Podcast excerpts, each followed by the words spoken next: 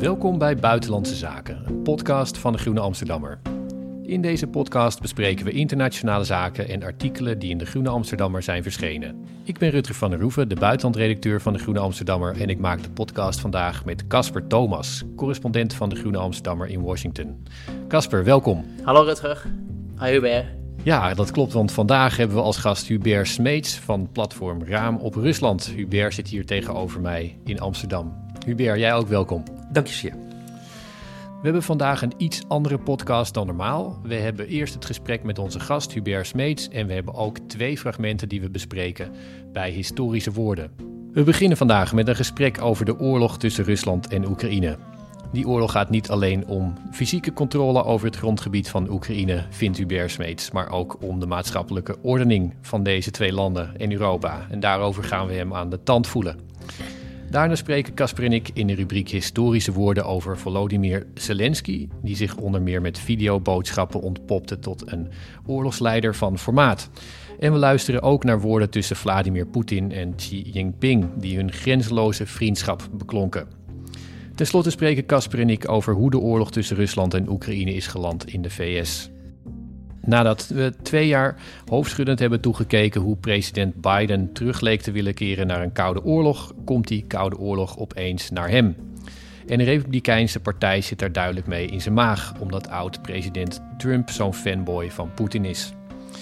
Maar eerst dus de invasie van Rusland in Oekraïne en de oorlog die al drie weken gaande is. Hubert Smeets, oud-hoofdredacteur van de Groene Amsterdammer, volgt die spanningen tussen die landen al jaren als beheerder van het kennisplatform Raam op Rusland. En ja, dat was altijd een beetje een zaak voor liefhebbers, als ik het zo mag zeggen. Maar opeens is de honger naar kennis daarover enorm. En uh, ja, Hubert, jij bent dan ook op radio, tv, kranten, sociale media. Uh, je zit volop in dat debat. En we hadden het daarover toen we het over de podcast van vandaag hadden. En toen zei je dat je vond dat er relatief wel erg veel aandacht voor Rusland is. En dat we het eigenlijk te weinig over Oekraïne zelf lijken te hebben. Kun je uitleggen wat je daarmee bedoelde? Ja, we hebben het over Oekraïne toch vooral als het gaat om de vluchtelingenstromen. En over het, als het gaat om het verzet van het Oekraïense leger, van Oekraïense burgers, gesymboliseerd in uh, Vladimir Zelensky, de president. Maar we hebben het minder over de vraag waarom Oekraïners zich verzetten tegen deze invasie vanuit het noorden en het oosten, vanuit Rusland. En dat vind ik jammer, want in de Oekraïne is in. Ik maak een fout natuurlijk, ik zeg nu precies wat ze in Rusland willen horen, de Oekraïne. In Oekraïne, want zo heet dat land, zonder het lidwoord. In Oekraïne is er uh, ook sprake van een politieke strijd. Een politieke strijd die gaat over de maatschappelijke ordening van dat land. En kort gezegd komt erop neer dat een grote meerderheid van dat volk van Oekraïne zich wil oriënteren op Europa. Niet alleen omdat het economisch voordeliger is. En niet alleen omdat ze daarmee dan ook misschien veiligheidsgaranties kunnen krijgen van of via de NAVO. Maar ook omdat ze streven naar een wat democratischer sociale orde. En met andere woorden, een broertje dood hebben aan het autoritaire denken dat uit het Kremlin opstijgt en dat het Kremlin nu ook met geweld wil opleggen aan Oekraïne. En daarom is de oorlog om Oekraïne eigenlijk ook een oorlog die heel Europa raakt. Het is veel meer dan alleen maar een gefrustreerde imperialistische mogendheid, Rusland, die zijn frustraties botviert met geweld in een buurland. Het gaat over heel Europa. Ja, en als we het hebben over, die, over Oekraïne dan. Er zijn toch aardig wat uh, mensen lijken er in het debat te zitten... die spreken over Oekraïne als een soort bevroren land... wat vastzit in een scheiding tussen een, een, een, deel wat naar het westen wil kijken... een deel wat naar Rusland wil kijken. Maar Oekraïne is sinds 2014, lijkt het echt veranderd en dynamisch, toch? Dat, ja, dat, dat is de, ik vind dat eerlijk gezegd de kletskoek. Dat, is de, de, dat zijn de praatjes die uit kringen van de SP bijvoorbeeld opstijgen. He, van die hebben het Westen, daar zijn de nationalisten. En die hebben vaak ook een verkeerd oorlogsverleden. In de Tweede Wereldoorlog uh, waren ze sympathiek uh, over Hitler. Uh, in de Tweede Wereldoorlog waren, ze, waren veel Oekraïners ook kampbeulen in de nazi-kampen, vernietigingskampen. Um, en in het oosten heb je het industriegebied, waar de Russisch sprekende bevolking een hele andere kijk heeft op de wereld en veel meer beïnvloed is door de Russische cultuur. Sorry, dat is kletskoek. En dat zie je ook al meteen in de eerste drie weken van de oorlog die zich heeft voltrokken tot nu toe. Poetin heeft die oorlog geïnitieerd als een strijd tegen een genocide die er gaande was in Oekraïne. En een van de aspecten van die genocide, ik laat even in het midden of dat wel genocide is, maar laten we even hem volgen. Een van die, Poetin dus volgen, een van die aspecten is dat de Russische taal op het tweede plan zou komen in Oekraïne. Dat je geen Russisch meer zou kunnen leren op school, dat Russische uh, Russisch-talige zenders werden verboden, et cetera, et cetera. Met andere woorden, het Russisch, de grote cultuurtaal van Dostoevsky en Tolstoy, die werd daar bedreigd in Oekraïne. Wat zien we de eerste drie weken? De Russische strijdkrachten leveren strijd met, met Russisch sprekende Oekraïners. Ze leveren strijd met Russisch sprekende Oekraïnse burgers op straat. Ze worden toegescholden door Oekraïners in zuiver Russisch. Wat je continu zou moeten wegpiepen als het op de televisie is. Er is geen woord Oekraïens in uh, de spreekkoren die er klinken in de straten van Gerson, van Mariupol, van Kharkiv, etc. Dat is allemaal Russisch-talig. En dat is het bewijs, vind ik alleen al, dat het niet gaat om een cultuurstrijd tussen Oost en West. Tussen Russisch-talige cosmopolitisme en Oekraïns nationalisme. Maar dat het een politieke strijd is die zich binnen de Russische taal afspeelt. En dat is een politieke strijd. Een strijd om democratie of imperialisme.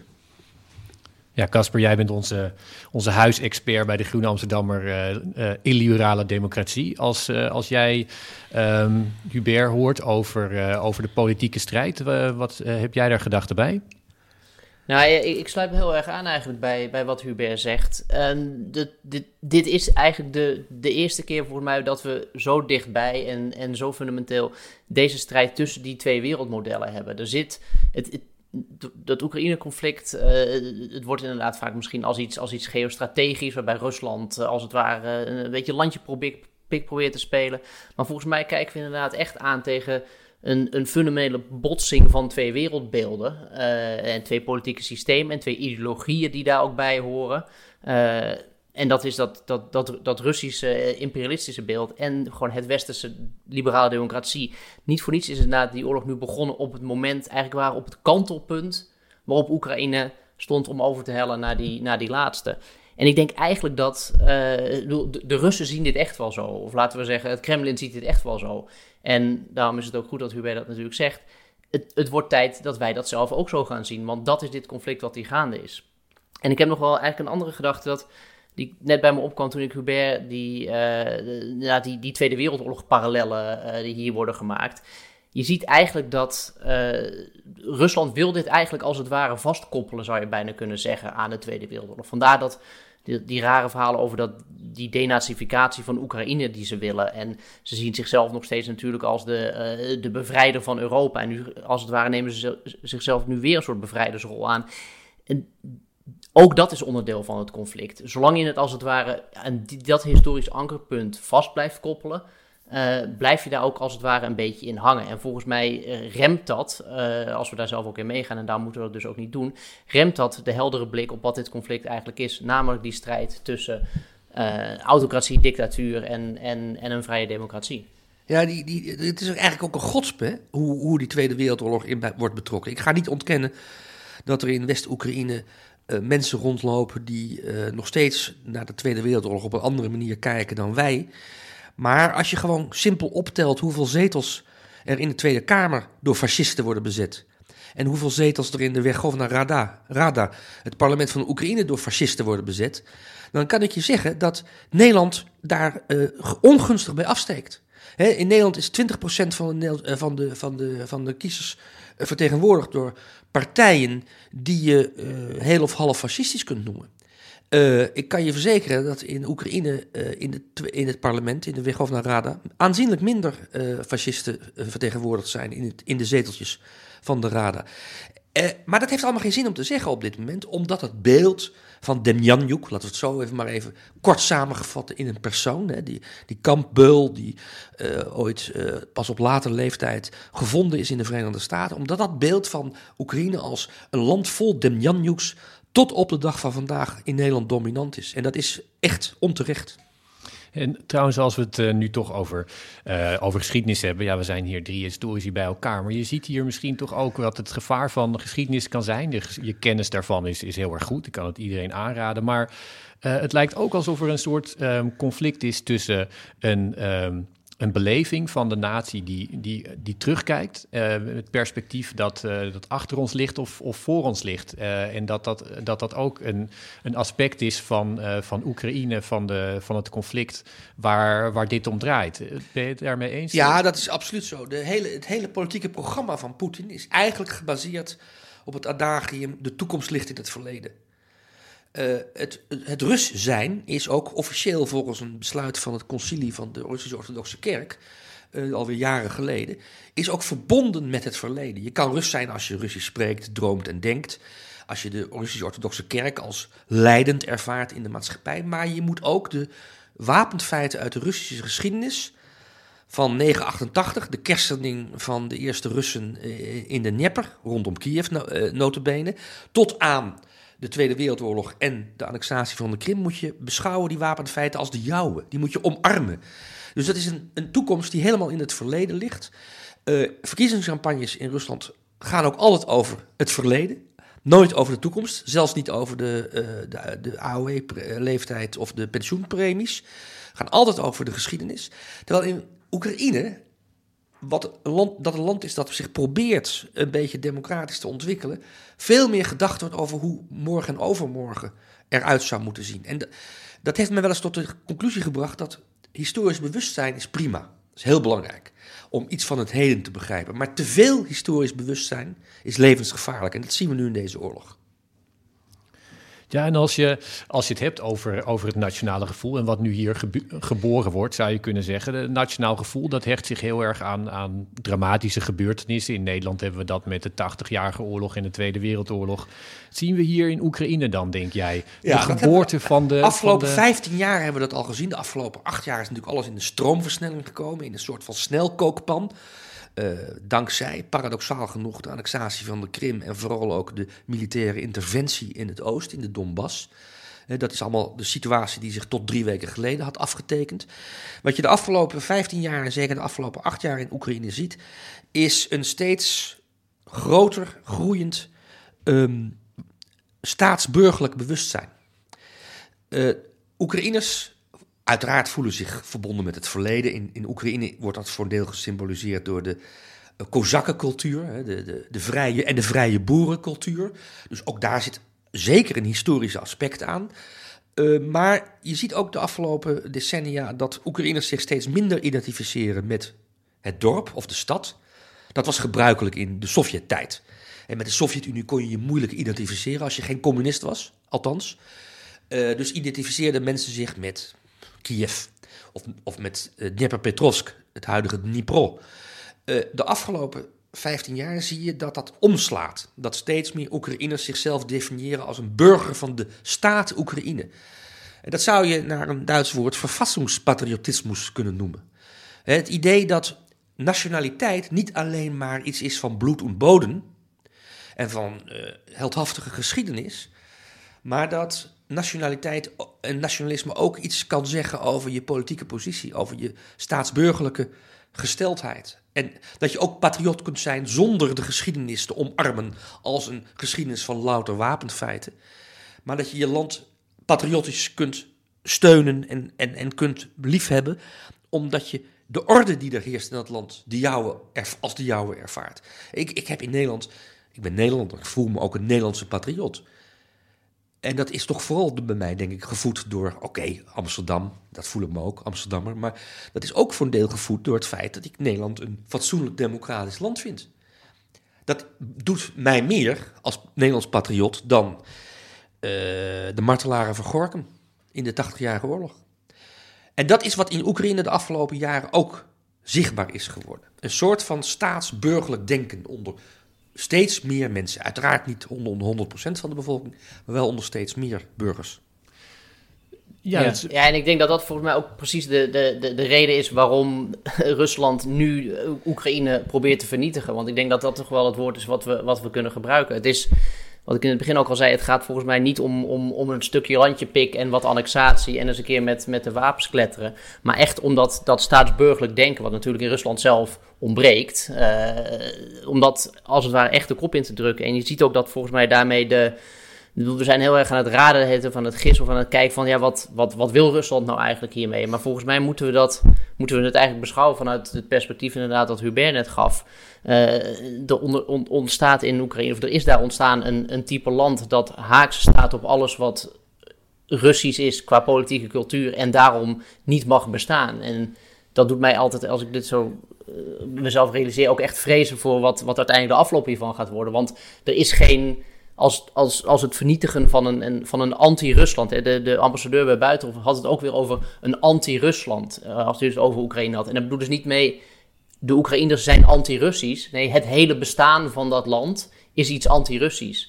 En dat draait volgens mij dus uit op wat we nu aan het zien zijn, namelijk een, een totale vernietiging van, van Oekraïne uiteindelijk. Uh, waar, wij het, waar wij het van tevoren over hadden, Hubert, dit, is, dit slaat een beetje, uh, sluit een beetje aan op, op uh, wat jij en Casper nu, nu zeggen.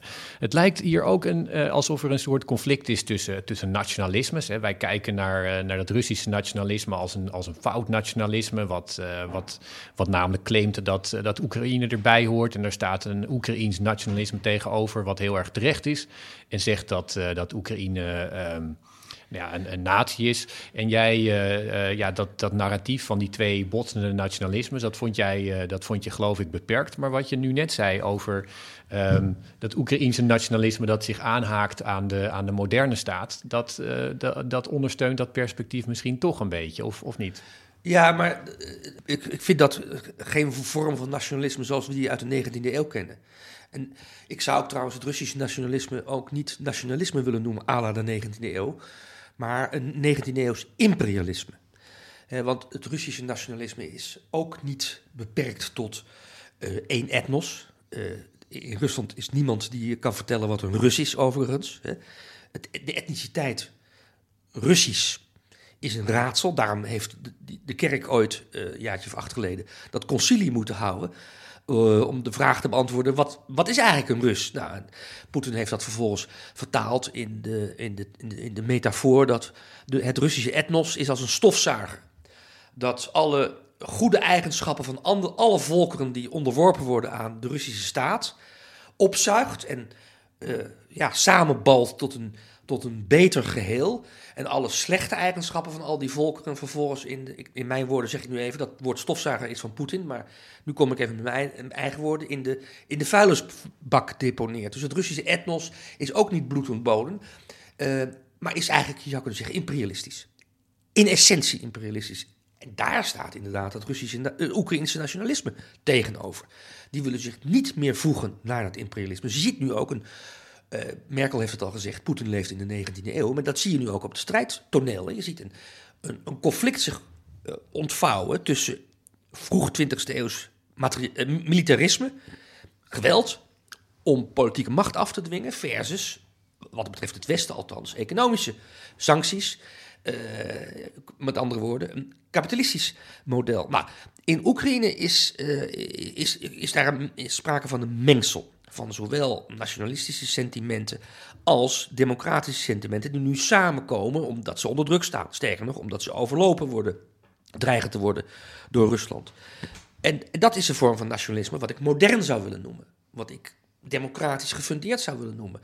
Waarvan ik zou hopen dat het ook in Rusland een keer tot ontwikkeling zou komen. Want dan zou Rusland niet altijd meer de eigen problemen botvieren via imperialistische avonturen buiten de eigen grenzen.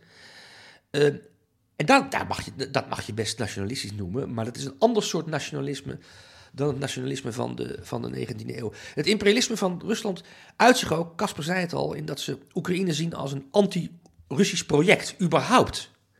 En dat heeft Poetin afgelopen zomer in een essay ook geschreven. Eigenlijk is de staat Oekraïne niets anders dan een uitvinding van ons hier in het Westen. Eh, anders die Oekraïners helemaal niet bestaan hebben. Als niet de Polen en de Duitsers en de Oostenrijkers, Habsburgers moet ik zeggen, dat niet hadden uitgevonden. Nou, dat is een manier van denken die eerlijk gezegd, uh, ja, als hij niet zo paranoïde zou zijn, toch op zijn minst 19e eeuws moet worden gedefinieerd. Ja, en het lijkt mij dat uh, de Oekraïners het recht hebben om met hun eigen motivatie, met hun eigen nationalistische uh, gedachten, zich daartegen te weer te stellen. Ja, ik, ik wil, wil, misschien wel even aanhaken op die, iets wat, wat, Hubert net zei, en dat, dat gaat, maar dat, dat gaat weer een stapje verder. En dat is eigenlijk de, de prijs die Rusland aan het betalen is voor, die, voor, voor het 19e eeuwse beeld. Namelijk de, de, de, economische sancties. Maar eigenlijk ook de, de, het complete afsluiten nu van, van Rusland van, van het Westen. Dus ik heb het idee dat we, weer een, dat we een soort post-Russische wereld tegemoet gaan. Waarin wij straks hooguit nog militair wat met Rusland te schaften hebben. Maar de, de culturele banden, de intellectuele banden, het heen en weer reizen. Dat, hoe leven wij straks zonder Rusland? En dat is niet, ik stel die vraag niet omdat ik daar uh, heel erg zorgen per se over maak, maar misschien is het wel iets zorgelijks. Maar ik vraag me gewoon af hoe dat, hoe dat voor jou is, Hubert, als, als iemand die al zo lang ook met Rusland verbonden is. Uh, ja, ik denk eerlijk gezegd, denk ik daar deze weken iets minder over na. Ik vind dat de prioriteit, wat mij betreft althans, zou moeten liggen bij uh, die politieke strijd, die democratische strijd die er nu gevoerd wordt in Oekraïne tussen, je zou kunnen zeggen, Oost en West. Um, maar het feit dat is dat uh, Rusland zichzelf misschien ook wel te gronden kan richten. En dat is een van de dramatische consequenties. Ik vind het wel dramatisch, eerlijk gezegd. Van het feit dat in Rusland er nooit zoiets bestaan heeft als een civil society, als een maatschappelijk middenveld. En wat er bestond, dat is de afgelopen acht jaar door Poetin stelselmatig de nek omgedraaid. En dat zie je nu ook in, in het protest in Rusland. Dat is er natuurlijk. En de mensen die de straat op gaan, die zijn heldhaftig. In haar geval veel heldhaftiger dan ik, dan ik hier ben, zittend in een, op een veilige plek uit de Singel in Amsterdam, in, in een stille kamer. Dus ik, geen, geen, geen, geen misverstand. Ik zou niets willen afdingen aan de moed uh, en, de, en, ja, en, de, en de heldhaftigheid van een nieuwslezer uh, die op de televisie niet meer wil verschijnen en dus ontslag neemt en het land ontvlucht. Ik wil niets afdoen aan mensen die de straat op gaan en gearresteerd worden en duizenden euro's boetes uh, dreigen te krijgen. En zelfs het risico lopen 15 jaar gevangenisstraf te krijgen. Maar het zijn allemaal hele kleine groepen. En het zijn allemaal individuen die alleen maar zichtbaar worden als ze toevallig samen zijn. Dat maatschappelijk middenveld dat er niet is, dat kan wel eens heel dramatisch uitpakken voor Rusland. Omdat er um, daarom ook geen alternatief is voor Poetin. Hij heeft eigenlijk een verschroeide aardetactiek gehanteerd rondom hem heen. En het enige alternatief wat er nu voor Rusland is, voor een Rusland zonder Poetin, is een Poetin light. Is een paleiskoep die iemand anders naar voren brengt die denkt van zover hadden we niet moeten gaan. Laten we een paar stappen terug doen in de hoop dat westerse investeerders weer geïnteresseerd raken in onze olie- en gasbronnen, uh, staalindustrie, et cetera. Dus in die zin denk ik dat, dat, dat, dat de kans op een een, een, Ruslandloze wereld niet zo groot is. Uh, maar dat de kans uh, op een, een, democratisch Rusland heel klein is. Doe me denken aan, ik, ik interviewde aan het begin van dit conflict een, een, een Russische historicus die in Sint-Petersburg aan de universiteit werkt en in Helsinki. En die eigenlijk een beetje aan het twijfelen was waar hij nou uh, zich permanent moest gaan vestigen. Vladimir Gelman heet die man, hij heeft een boek geschreven, dat heet ook, het heet Authoritarian Russia. En het gaat ook dus over de, over de post-Sovjet regime change. En, en die zei eigenlijk, uh, deze, deze Gelman, die zei van ja, ik vrees dat de Russen weer in apathie gaan vervallen. Eigenlijk zoals dat ook een beetje tijdens het communisme gebeurde. Op een gegeven moment, je richt je op je eigen, je eigen hachje, je eigen dingetje, je leeft van dag tot dag. Je, je moet kijken waar je, je inkomen, je eten vandaan komt.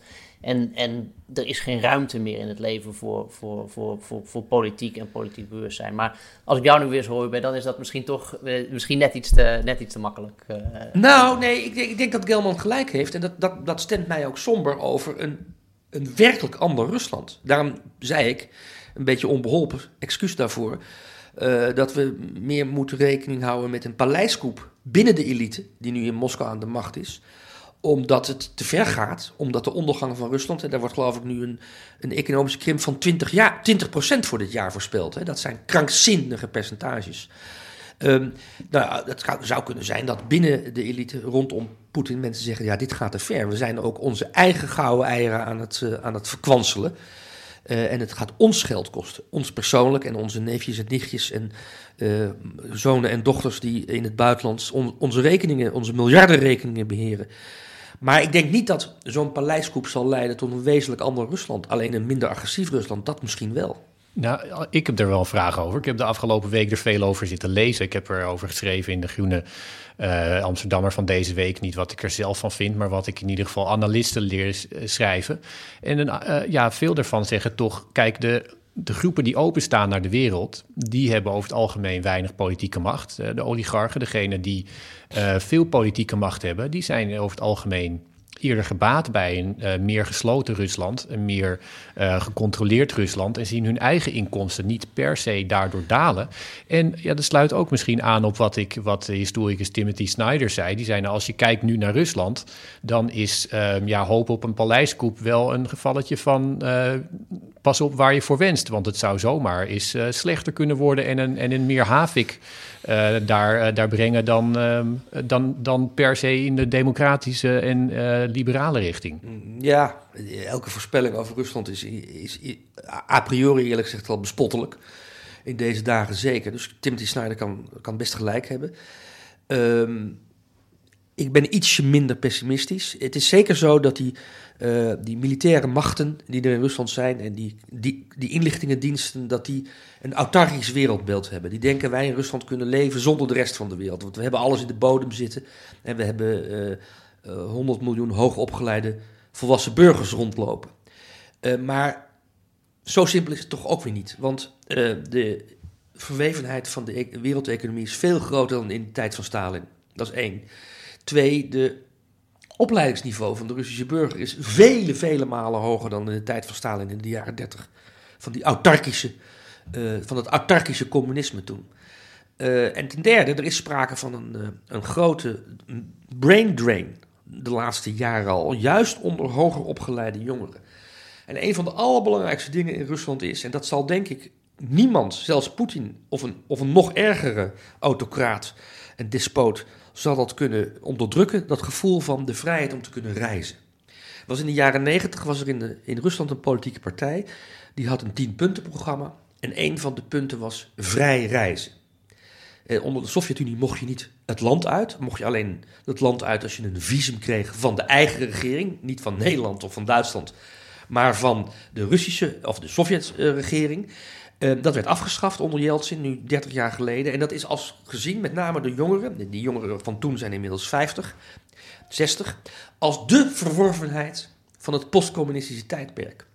En nog steeds uh, is het zo dat wanneer geruchten in Rusland gaan dat er weer een zogenaamd uitreisvisum zal worden ingevoerd, dat iedereen in paniek raakt. Dus ik denk dat een echte autarkie, autarkie dat daarvoor te veel gebeurd is in Rusland de afgelopen 30 jaar om dat nog mogelijk te maken. Ja, ja dat, en dat reizen, om even terug te grijpen naar het begin van ons gesprek. Wat, Europa is voor een groot deel gebouwd op het idee van, van, van vrij reizen. En dit is ook weer volgens mij een voorbeeld waarin je ziet dat Rusland heeft het tot nu toe een beetje, of Russen hebben het tot nu toe een beetje allebei kunnen hebben, als het ware. Een aantal inderdaad van die, van, van die verworvenheden zou je kunnen zeggen, waarmee de, de, de, de prijs die je uiteindelijk echt zelf moet betalen voor het, het, het leven in je eigen autocratie relatief mild blijft. Dus daarvoor vind ik in die zin uh, zou je kunnen zeggen, zijn de sancties slim? Of de sancties passen bij de ideologie die het Westen hier probeert te verdedigen? Van luister eens, uh, dat betekent dus ook dat uh, jullie niet hier langer welkom zijn, economisch gezien, of gewoon als, als, als, als gezellige bezoeker. Dus stiekem wordt de ideologische strijd toch wel een klein beetje gevoerd op deze manier. Ja, ik had een, um, een, laatste vraag misschien om mee af te, eh, af te sluiten, Hubert. Jij had het over, uh, over, over Poetins repressie, die toch de laatste acht jaar is, uh, erg is toegenomen. De, de, vaak wordt dat gelinkt aan zijn, ja, zijn terugkeer als president. hij, hij was een, een heel populaire president in zijn, in zijn eerste acht jaar, maakte toen plaats voor Medvedev en kwam toen weer terug. Dat werd met, uh, toch met behoorlijk wat zorg bekeken door een aantal uh, mensen in de elite en in het volk. Die dachten, nou, dit is dus een, uh, iemand die zijn hele leven lang wil regeren. En dat betekent in feite een terugkeer naar de dictatuur. Um, hoe, uh, hoe is het eigenlijk zelf bij jou gegaan? Hoe uh, had jij, wat voor hoop had jij voor Poetin? En is dat, uh, zeg maar, kun je dat herkennen? Dat gevoel dat mensen een afnemende hoop hadden. Laura Staring trouwens heeft hier gezeten een, een, paar maanden terug. Die zei, ja, het is misschien ook een geval van die, die kikker die in de, in de pot zit. Je, er wordt steeds een beetje aangedraaid, maar de kikker die blijft zitten tot het misschien te laat is. Hoe, hoe is jouw eigen gevoel bij Poetin veranderd? Nou, daar kan ik proberen zo eerlijk mogelijk over te zijn. In die eerste twee termijnen van hem, van 2000 tot 2008, was ik redelijk begripvol. Ik, ik was misschien gewoon een Poetin-versteer, zoals het nu heet. Ik begreep dat uh, de Russen behoefte hadden aan een president die die vernedering van de ondergang van de Sovjet-Unie en vooral de economische verloedering daarna, dat ze behoefte hadden aan een president die die vernedering ongedaan zou maken en die weer perspectief bood. Uh, ook nationale trots zou kunnen leveren. Dat snapte ik heel goed. bij mij was het eerste omslagpunt 2011-2012, toen hij terugkwam, waar jij het net over had. Ik weet nog heel goed, in september 2011 was er een partijcongres van de regeringspartij Verenigd Rusland. En Medvedev die droeg daar het stokje over aan Poetin. En mijn schoonmoeder, Russische schoonmoeder, was toen bij ons in Nederland. En we keken samen naar het journaal rondom, uh, rondom uh, die, dat congres van Verenigd Rusland. En mijn schoonmoeder zei: Wat denken ze wel? Dat wij kleuters zijn in een kindercrash, wij Russische burgers. Want daar werd even op het partijcongres besloten wie de nieuwe president van Rusland zou worden. En dat dachten heel veel Russen toen ook. Want toen kreeg je die protestdemonstraties in Moskou en in mindere mate Petersburg, Jekaterinburg en andere grote steden. tegen de fraudeleuze verkiezingen voor het parlement en later voor het presidentschap. Mijn hoop was toen, dat was naïef bleek, dat Poetin nadat hij uh, die protesten had neergeslagen, dat hij wat gas terug zou nemen. Dat hij de teugels wat zou laten vieren, omdat hij inmiddels met overtuigende meerderheid weer was herkozen. Uh, en omdat hij eigenlijk niks te vrezen had van de oppositie. Uh, want de oppositie in Rusland stelde geen bal voor. Hij deed precies het omgekeerde. De repressie nam toe. Dat was het eerste moment. Toen dacht ik, dit is niet meer te versteen. Hier kan ik eigenlijk niet meer, uh, geen begrip meer voor opbrengen vanuit een wat analytisch denk- en kijkkader. En het tweede moment is heel evident. Dat is de, de militaire interventie in 2014 in Oekraïne. Daar ontmaskerde, om een ouderwets woord te gebruiken, Poetin zich als een regelrechte imperialist. En vanaf dat moment was voor mij eigenlijk de deur naar begrip uh, gesloten. Uiteraard moet je proberen te begrijpen wat er aan de hand is in Rusland. En dus ook moet je proberen te begrijpen wat er in het hoofd van Poetin omgaat. En uh, met, in de hoofden van zijn uh, medestanders in het Kremlin. Maar ik vond dat te veel verder gaan dan het aanvankelijke uitgangspunt van Poetin in 2000. Rusland weer een eervolle plek geven op het wereldtoneel. Dit was pure imperialistische agressie. Nou en wat we daarna gezien hebben, bevestigde eerlijk gezegd dat late oordeel van mij uit 2014. Het ging van kwaad tot erger en de repressie nu in Rusland is, met geen pen te, is, is niet meer te vergelijken met uh, de repressie in de eerste termijn van zijn presidentschap. Nou ja, um, Laten we hopen op, op, op die paleiskoep die je beschreef. Laten we hopen dat er een, um, een, een, verlicht, uh, een, een verlichte partij aan de macht komt. Misschien wel een, een collectief. En dat, dat de democratie daar herstelt. Maar geen idee. We kunnen inderdaad geen, geen enkel. Um, voorspelling doen. Laten we in ieder geval hopen op een, een snel einde op de oorlog en een mooie toekomst voor beide landen. Maar het ziet er nu natuurlijk niet mooi uit. Hubert, ik, ik weet dat het jou persoonlijk ook, ook aangrijpt. Um, heel erg bedankt dat je hier ervoor kwam spreken. En ik hoop je hier snel weer terug te zien. Oké, okay, dank je zeer voor de uitnodiging.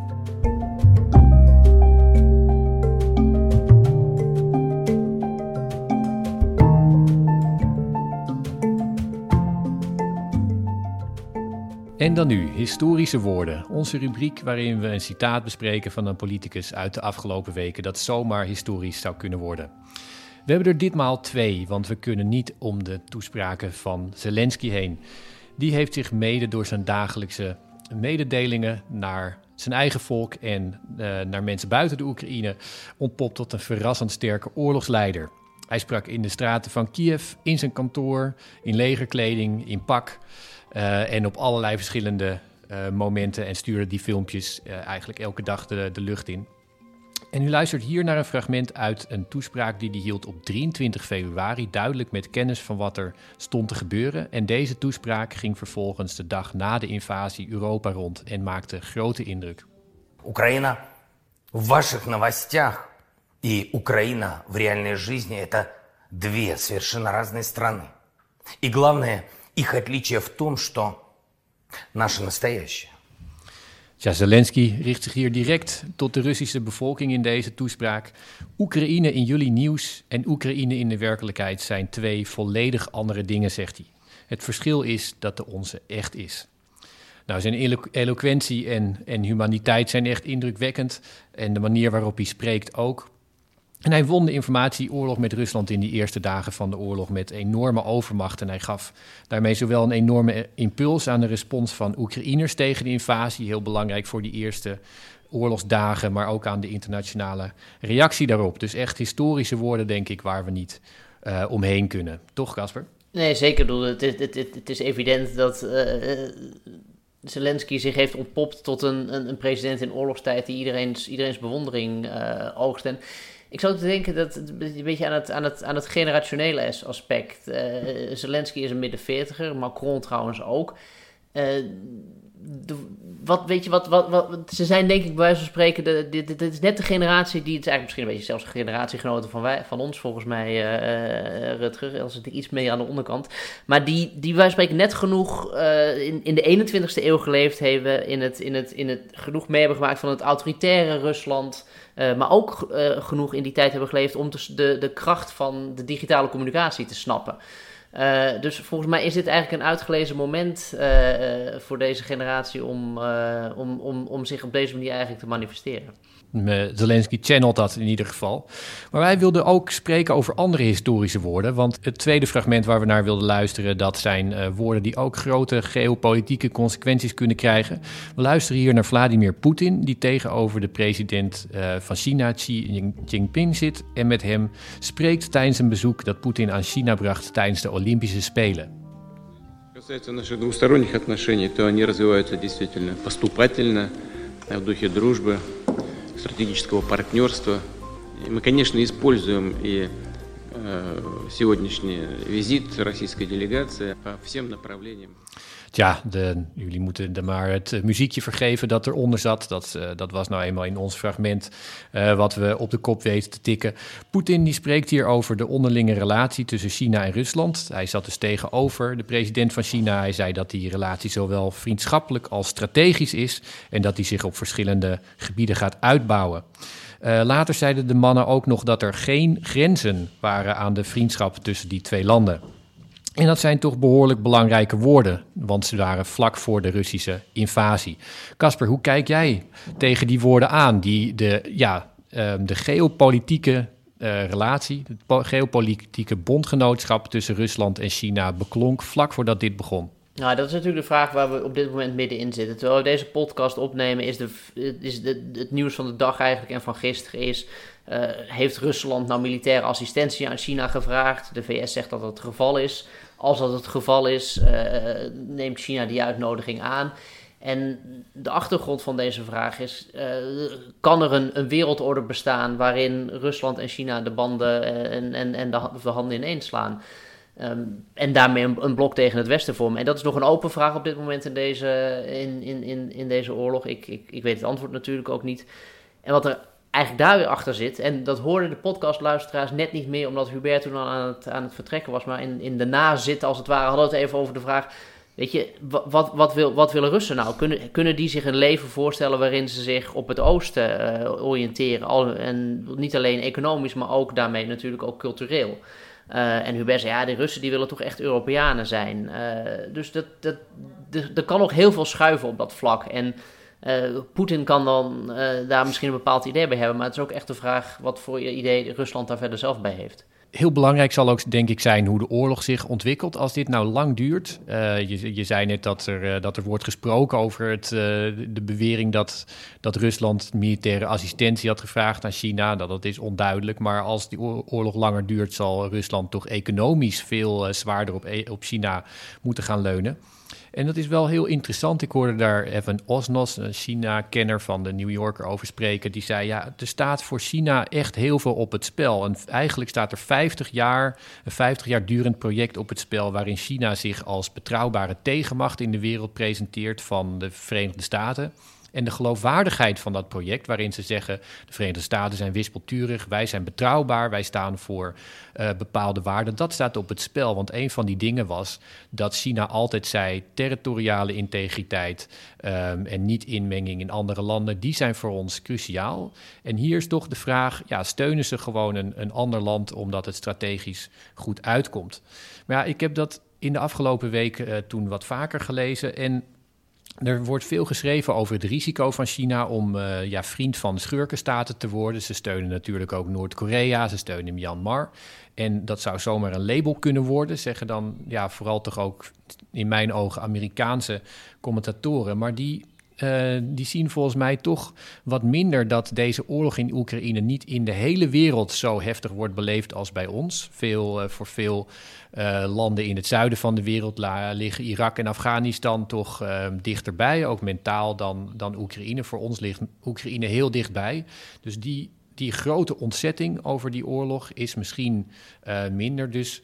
Um, ik denk dat het voor China inderdaad een heel belangrijk moment is. Het is heel duidelijk te zien dat ze niet een heldere boodschap hierover hebben. En er proberen, uh, maar als het kan, zo weinig mogelijk over, over te zeggen. Um, en ik denk eerlijk gezegd dat China uh, voorlopig nog aan de zijde van Rusland gaat blijven. En, er, en dat proberen te doen met zo weinig mogelijk aandacht uh, van buiten. Ja, het, hangt wel vanaf. Kijk, dit is, inmiddels is het dus een, een geopolitiek spel tussen verschillende grootmachten geworden.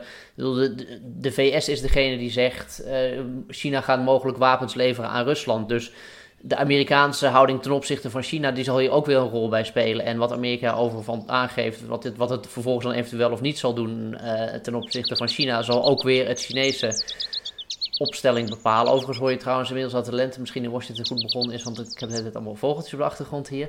Maar, um, dus het, maar daarmee krijgt dit hele conflict een extra dimensie, die, die, die niet per se, die, die het alleen maar ingewikkelder en, en, en onzekerder maakt. En over die Amerikaanse reactie eigenlijk, of over uh, de Amerikaanse opstelling in deze hele houding, gaan wij volgens mij nu dit nog een, uh, nog een deel podcast opnemen.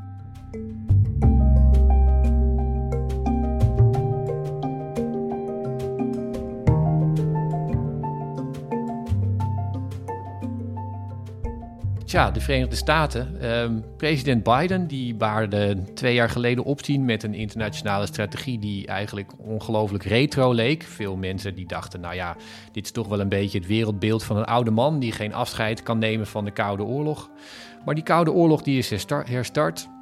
En Biden die lijkt opeens op de juiste lijn te hebben gezeten. In ieder geval wat zijn waarschuwingen over Rusland betreft. Dus um, tja, Casper, laten we spreken over hoe die oorlog tussen Rusland en Oekraïne in de Verenigde Staten is geland. Jij zat in Washington de afgelopen weken en hier in Europa werd 24 februari wel het Europese 9-11 genoemd. Wordt die Russische invasie ook in de Verenigde Staten beleefd als zo'n um, zo'n monumentaal moment dat de internationale verhoudingen compleet herschikt? Zeker, en, en het, het, maf is dat de term 9-11, dat begint een beetje een stoplap te worden, maar die, die valt hier ook uh, in, in die zin dat uh, het, het, echte 9-11 begon een bepaald tijdperk, dat hiermee dus echt tot een einde komt, waarmee een veel ander groot militair conflict in de wereld als het ware overneemt en, en het fundament wordt wat, wat alles aan het bepalen is. En aanvankelijk dacht ik misschien een beetje, ja, dat is vooral iets wat leeft in de hoofden van uh, de politieke elite, van Biden, van de Amerikaanse regering. Maar het blijkt ook echt dat Oekraïne en, en, de oorlog met Rusland is hier, het is sowieso natuurlijk, het is overal in het nieuws. Uh, maar het wordt ook echt gevolgd en heel erg beleefd door, uh, door Amerikanen. We hadden toch een beetje het idee de afgelopen jaren van Amerikanen, die, die zonderen zich af van de wereld, zijn met hun eigen dingen bezig. Het is altijd een beetje een, een, een, een cliché natuurlijk, maar wat ik zeg, het is echt, het is behoorlijk top of mind uh, bij mensen. Zowel bij democraten als bij republikeinen. Dus dit is iets wat echt, ja, ik kan het niet anders zeggen dan volgens mij dus toch echt wel heel erg leeft in Amerika. Waarmee niet gezegd is dat iedereen het overal over eens is of dat, dat de standpunten allemaal hetzelfde zijn.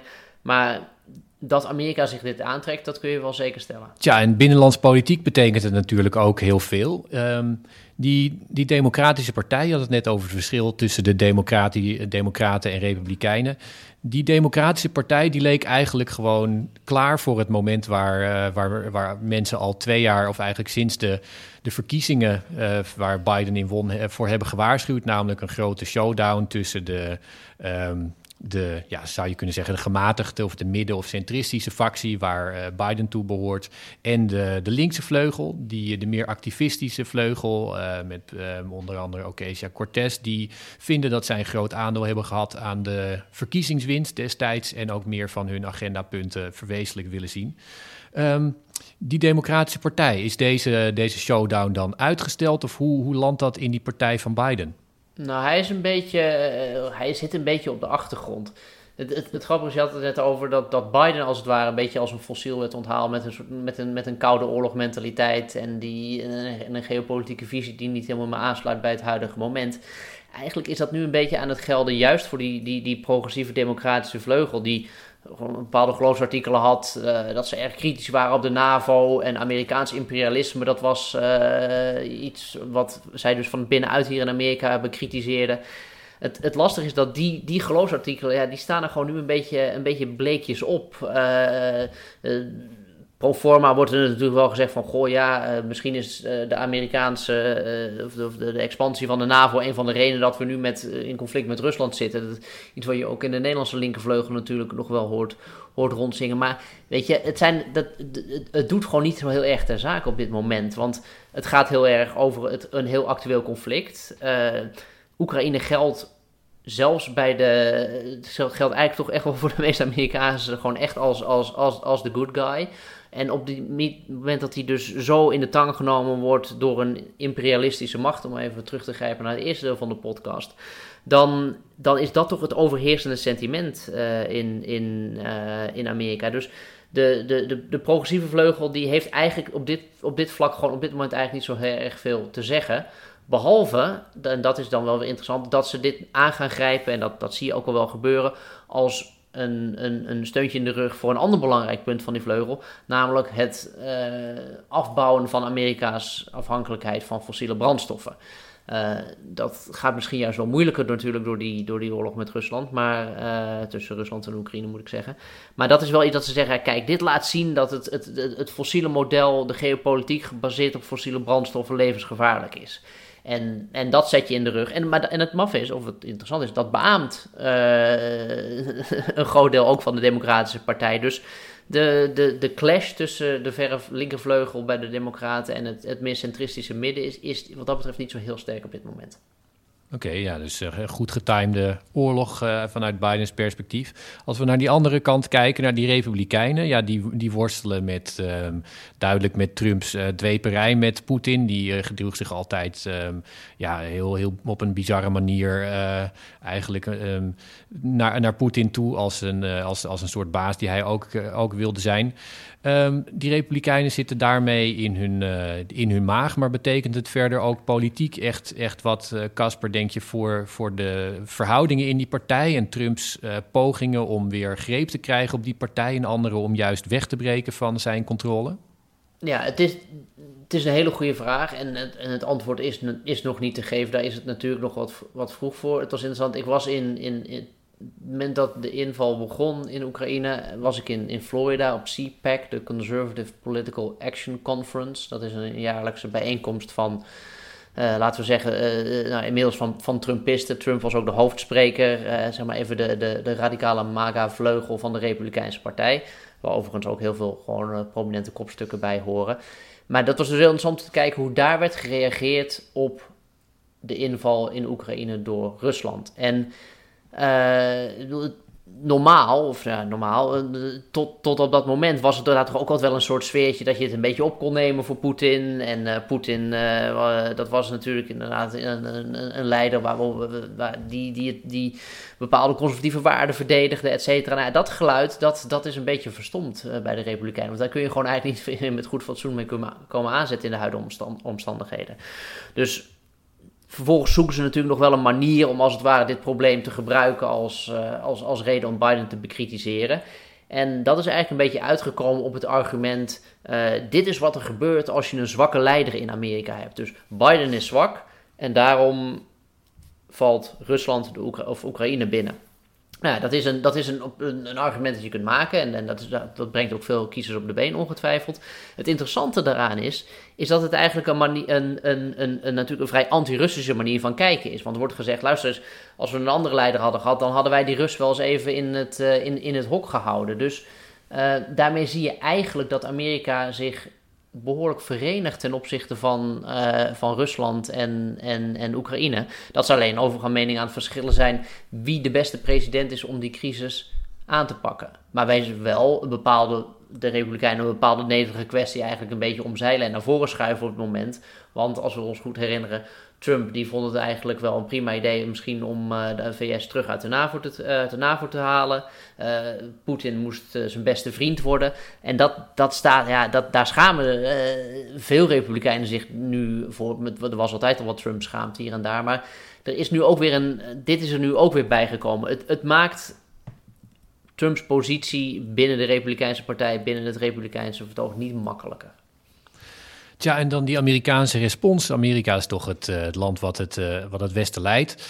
Um, er, is grote eensgezindheid geweest in, de, in het begin van de oorlog tussen, uh, tussen landen in West-Europa en de VS. Dat was, dat was erg opvallend.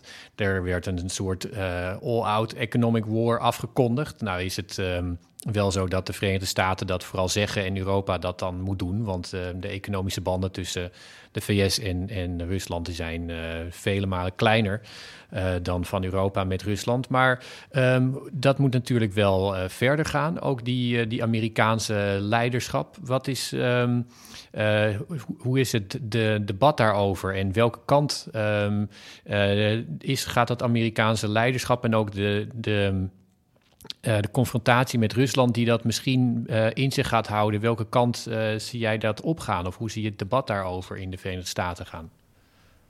Ja, de... Biden heeft eigenlijk vrij duidelijk gezegd waar voor hem de grens ligt. En die grens ligt bij het, het, sturen van troepen naar Oekraïne. Dat gaat niet gebeuren, maar zodra er een, een, een Russische teen de, de, de NAVO-grens over steekt, dan, uh, dan, dan, dan wordt het ineens een heel ander verhaal. Dat heeft Biden vrij duidelijk gezegd. En dat lijkt me ook een standpunt waar hij aan vasthoudt. Um, wat interessant is dat in, in, in, in de schaduw van die vrij duidelijke, laten we zeggen, militaire lijn, is er een soort Amerikaanse doctrine ontstaan die je een soort uh, totale economische oorlog uh, zou kunnen noemen. Het is echt opvallend hoe snel en hoe extreem de sanctiemaatregelen zijn die de VS en dan in samenspel met Europa natuurlijk weten op te leggen aan, aan Rusland. En ook het, het, het, het, het schijnbare gemak waarmee dat gebeurt, wat erop duidt dat dat is, is wat een groot deel van de Amerikanen steunt.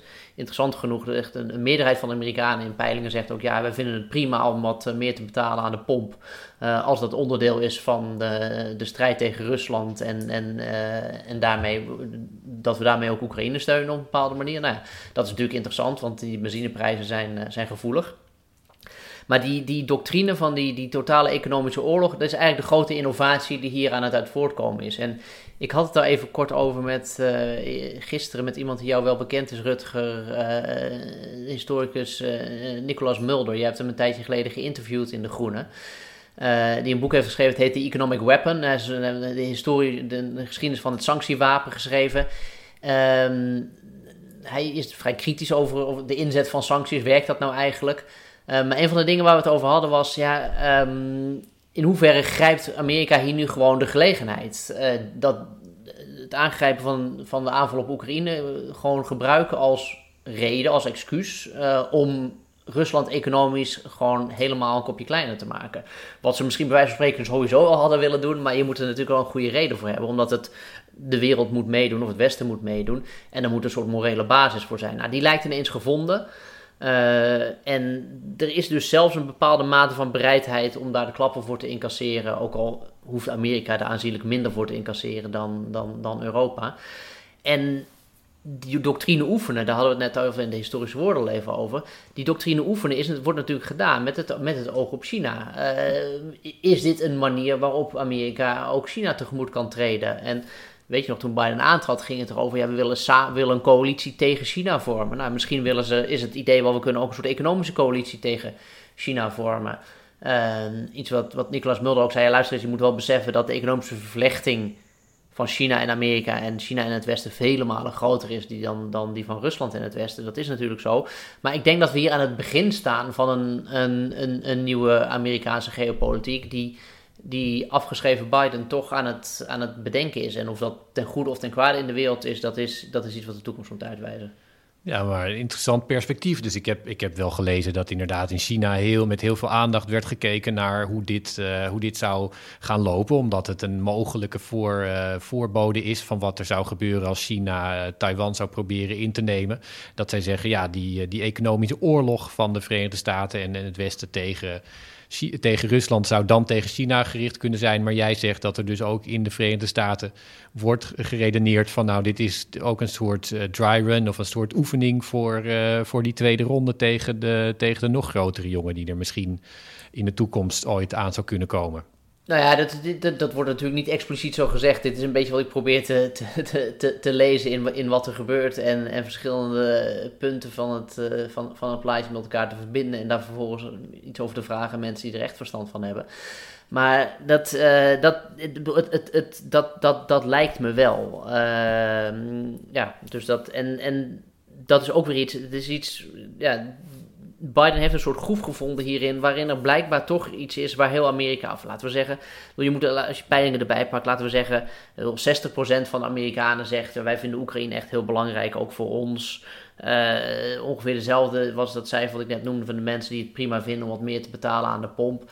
er is nog steeds ook gewoon een derde deel van Amerika dat, dat misschien hier allemaal niks voor voelt. Maar goed, dat is met, met 60% kun je een hoop doen. Uh, en dat is wel wat Biden hier ook voelt. Dus ja, het is, het is niet saai, uh, zeg maar vanuit, vanuit verslaggevend perspectief sowieso. Maar dat Amerika is zichzelf hier opnieuw aan het uitvinden. Uh, en, en misschien dus wel bestendig een soort doctrine aan het ontwikkelen voor, voor, voor de rest van deze eeuw. Tja, wat denk jij als laatste vraag? Um, is dit inderdaad iets wat, uh, als, als je zeg maar, we, gaan, uh, we doen niet alsof we de toekomst weten, maar als jij er een flesje wijn op zou moeten zetten, gaat dit Bidens presidentschap maken, redden? Gaat hij um, hiermee de grote, de grote leider worden die, um, ja, die, die toch zijn rol heeft weten te vinden en op het juiste moment op de juiste plek zat? Nou, dat, dat wordt lastig. Dat, Amerika is niet in één keer een toonbeeld van eensgezindheid na, na jaren van, van diepe verdeeldheid. Maar het laat wel zien dat onder, onder bepaalde omstandigheden, uh, zeg maar grotere zaken van wereldbelang, uh, van oorlog en vrede, ook toch wel groter zijn dan Amerika's uh, toch wel soms kleinzielige interne verdeeldheden. Bedoel, op het moment dat het gaat over olieembargo's, dan, is, dan, dan staat het gewoon een beetje lullig als je aankomt met, uh, met klachten over uh, bepaalde boeken op de middelbare school, uh, waarin referenties worden gemaakt aan homoseksualiteit, zoals sommige republikeinen tot een soort speerpunt hebben weten te smeden. Dus het, het, het reset de agenda gewoon een beetje naar de zaken die er, die er, die er echt wat meer toe doen. En daar profiteert op dit moment, denk ik, Biden wel van. Goed. Ja, dankjewel Casper. daar, daar houden we het dan bij. Yes, graag gedaan. U luisterde naar Buitenlandse Zaken, een podcast van de Groene Amsterdammer. U hoorde Hubert Smeets en Rutger van der Hoeven vanuit Amsterdam en Casper Thomas vanuit Washington. Van Hubert Smeets komt een nieuwe editie uit van het boek wat hij al noemde De wraak van Poetin, Rusland contra Europa. Deze podcast werd gemaakt door Giselle Mijndief. Dank voor het luisteren. En als u meer van ons wil lezen of abonnee worden van de Groene Amsterdammer, ga dan naar www.groene.nl.